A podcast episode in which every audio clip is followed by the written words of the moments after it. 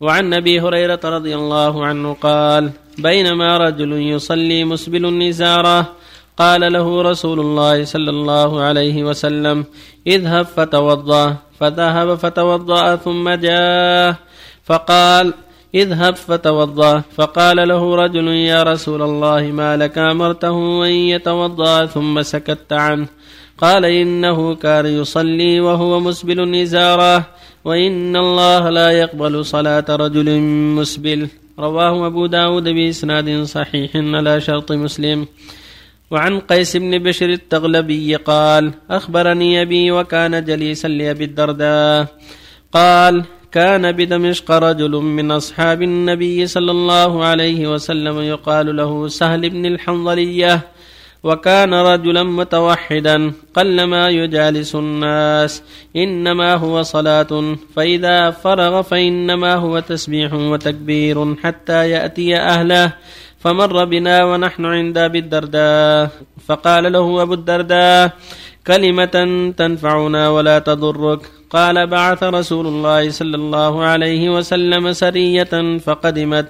فجاء رجل منهم فجلس في المجلس الذي يجلس فيه رسول الله صلى الله عليه وسلم.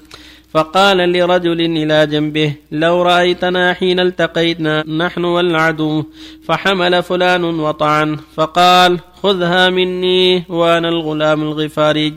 قال كيف ترى في قوله قال ما أراه إلا قد بطل أجره فسمع بذلك آخر فقال ما أرى بذلك بأسا فتنازعا حتى سمع رسول الله صلى الله عليه وسلم فقال سبحان الله لا بأس أن يؤجر ويحمد فرأيت أبا الدرداء سر بذلك وجعل يرفع رأسه إليه ويقول أنت سمعت ذلك من رسول الله صلى الله عليه وسلم؟ فيقول نعم. فما زال يعيد عليه حتى إني لا أقول ليبركن على ركبتيه. قال فمر بنا يوما آخر فقال له أبو الدرداء كلمة تنفعنا ولا تضرك. قال قال لنا رسول الله صلى الله عليه وسلم المنفق على الخيل كالباسط يده بالصدقة لا يقبضها. المنفق على الخيل كالباسط يده بالصدقة لا يقبضها. ثم مر بنا يوما آخر فقال له أبو الدرداء كلمة تنفعنا ولا تضرك. قال قال رسول الله صلى الله عليه وسلم نعم الرجل خريم الأسدي لولا طول جمته وإسبال إزاره. فبلغ خريما فعجل فأخذ شفرة فقطع بها جمته إلى أذنيه ورفع إزاره إلى أنصاف ساقيه ثم مر بنا يوما آخر فقال له أبو الدرداء كلمة تنفعنا ولا تضرك. قال سمعت رسول الله صلى الله عليه وسلم يقول إنكم قادمون على إخوانكم فأصلحوا رحالكم وأصلحوا لباسكم حتى تكونوا كأنكم شامة في الناس فإن الله لا يحب الفحش ولا التفحش. رواه أبو داود بإسناد حسن.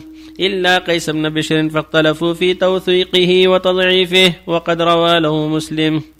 بسم الله الرحمن الرحيم. الحمد لله. صلى الله وسلم على رسول الله وعلى آله وأصحابه ومن اهتدى به أما بعد هذا الحديث فيه الدلالة على النهي عن الإسبال وهكذا العبادة وتقدمت الأحاديث في هذا الباب. أصح من هذا يقول صلى الله عليه وسلم ما أسفل من الكعبين من الإزار فهو في النار. ويقول ثلاثة لا يكلمهم الله ولا يزكيهم ويوم القيامة ولهم عذاب أليم. المسبل إزارة. والمنان فيما أعطى والمنفق سلعته بالحديث الكاذب وهي أصح من الحديثين المذكورين. فالواجب الحذر من الإسبال وهو أيضا من وسائل التكبر ومن وسائل توسيخ الثياب وتنجيسها. فلا ينبغي المؤمن التساهل بهذا. أما حديث أنه أمره أن يتوضأ فهو حديث سند ضعف. وإن صحها المؤلف. لكن في سنده ضعف. وهكذا الحديث الآخر حديث سالم بن الحنظلية في سنده ضعف. قوله لولا جمته طول جمته. النبي صلى الله عليه وسلم كان يطيلها حتى تضرب منكبيه عليه الصلاة والسلام. كان يطيل رأسه حتى يضرب إلى منكبيه. اللهم صل فلا حرج إذا أطال رأسه وضرب إلى منكبيه. إذا لم يكن هناك قص سيء فلا حرج في ذلك. والشاهد منه وقوله وطول إزاره. فأمره يرفعه إلى نصف ساقه تقدم ما يدل على أن الإزار من نصف الساق إلى الكعب. هذا محل الإزار من النصف إلى الكعب. وأما طول الجمة فتقدم أنه أنه لا لا حرج في ذلك ولا بأس في ذلك. والحديثان في سنده ما ضعف. وفق الله الجميع. الله إليك الصواب في قيس بن بشر توثيقه وتضعيفه. محل نظر. معي التقريب أحسن الله إليك. نعم محل نظر السند فيه ضعف نعم. من شاهد المتن. لبيت. في شذوذ متن شذوذ نعم. إذا صارت عادة عادة قوم رجل مسح فقال عادة قومي أن يسبلوا. ولو ولو كانت عادة قومي لا يوافقهم لا يسبل كما أسبلوا خالفهم وينصحهم. الإزار هل يكون على حد الكعب أو يكون دون ذلك؟ على حد الكعب إذا كان على نفس الكعب لا يضر لكن لا ينزل عن الكعب ما أسفل من الكعب فهو في النار لكن لو كان على الكعب ما في حق لكن إذا رفع عن الكعب يكون أبعد عن الشبهة إلى نصف الساق ما في رواية ولا حضر الكعب من الإزار إيه. لا في بعض الروايات لكن أصح منه ما أسفل من الكعبين فهو, فهو في النار رواه البخاري في الصحيح. السلام عليكم. نعم. عندنا مدرس ياخذ من لحيته يقول انها جائز ويستدل يعني بقول الإمام الشافعي يقول انه صحيح. ينصح ينصح ما له أحد كلام مع السنة. الرسول صلى الله عليه وسلم يقول قصوا الشوارب ووفروا لها خالفوا المشركين. الشافعي يعني يقول انها جائز الاخذ ولو ولو ولو يعلم الشافعي وغير الشافعي مو بحجة في مخالفة السنة. لا الشافعي ولا غيره يقول يعني المشايخ ابن باز بن عثيمين يستدلون بقول الإمام إذا قال قال رسول الله انتهى لا أحمد ولا غيره ولا الشافعي ولا غيره نعم نعم يقول ابن عباس عجبت لقوم عرفوا السند وصحته. يقول يا ابن عباس يوشك أن تنزل حجرة من السماء. أقول قال رسول الله وتقول قال أبو بكر وعمر. أبو بكر وعمر وين هو؟ وين الشافعي وأحمد؟ أبو بكر وعمر أعظم من الشافعي وأحمد وأبي حنيفة انكر عليهم ابن عباس لما خالفوا السنة لقول ابي بكر وعمر. نعم. تسأل من من فرنسا تقول تخشى على ابنها أن يكون في الشارع فهل لا بأس أن تاخذه إلى المدرسة؟ المدرسة الفرنسية يعني أحسن عليك. يعني تخشى عليه أن يتعلم بعد الكلام في الشارع فتقول الآن هل يسمح لي أن يدخل في المدرسة لكي يتعلم؟ علما بأن في هذه المدرسة من الأساس من البداية يعلمون الأساس آه، توحيدهم يعني.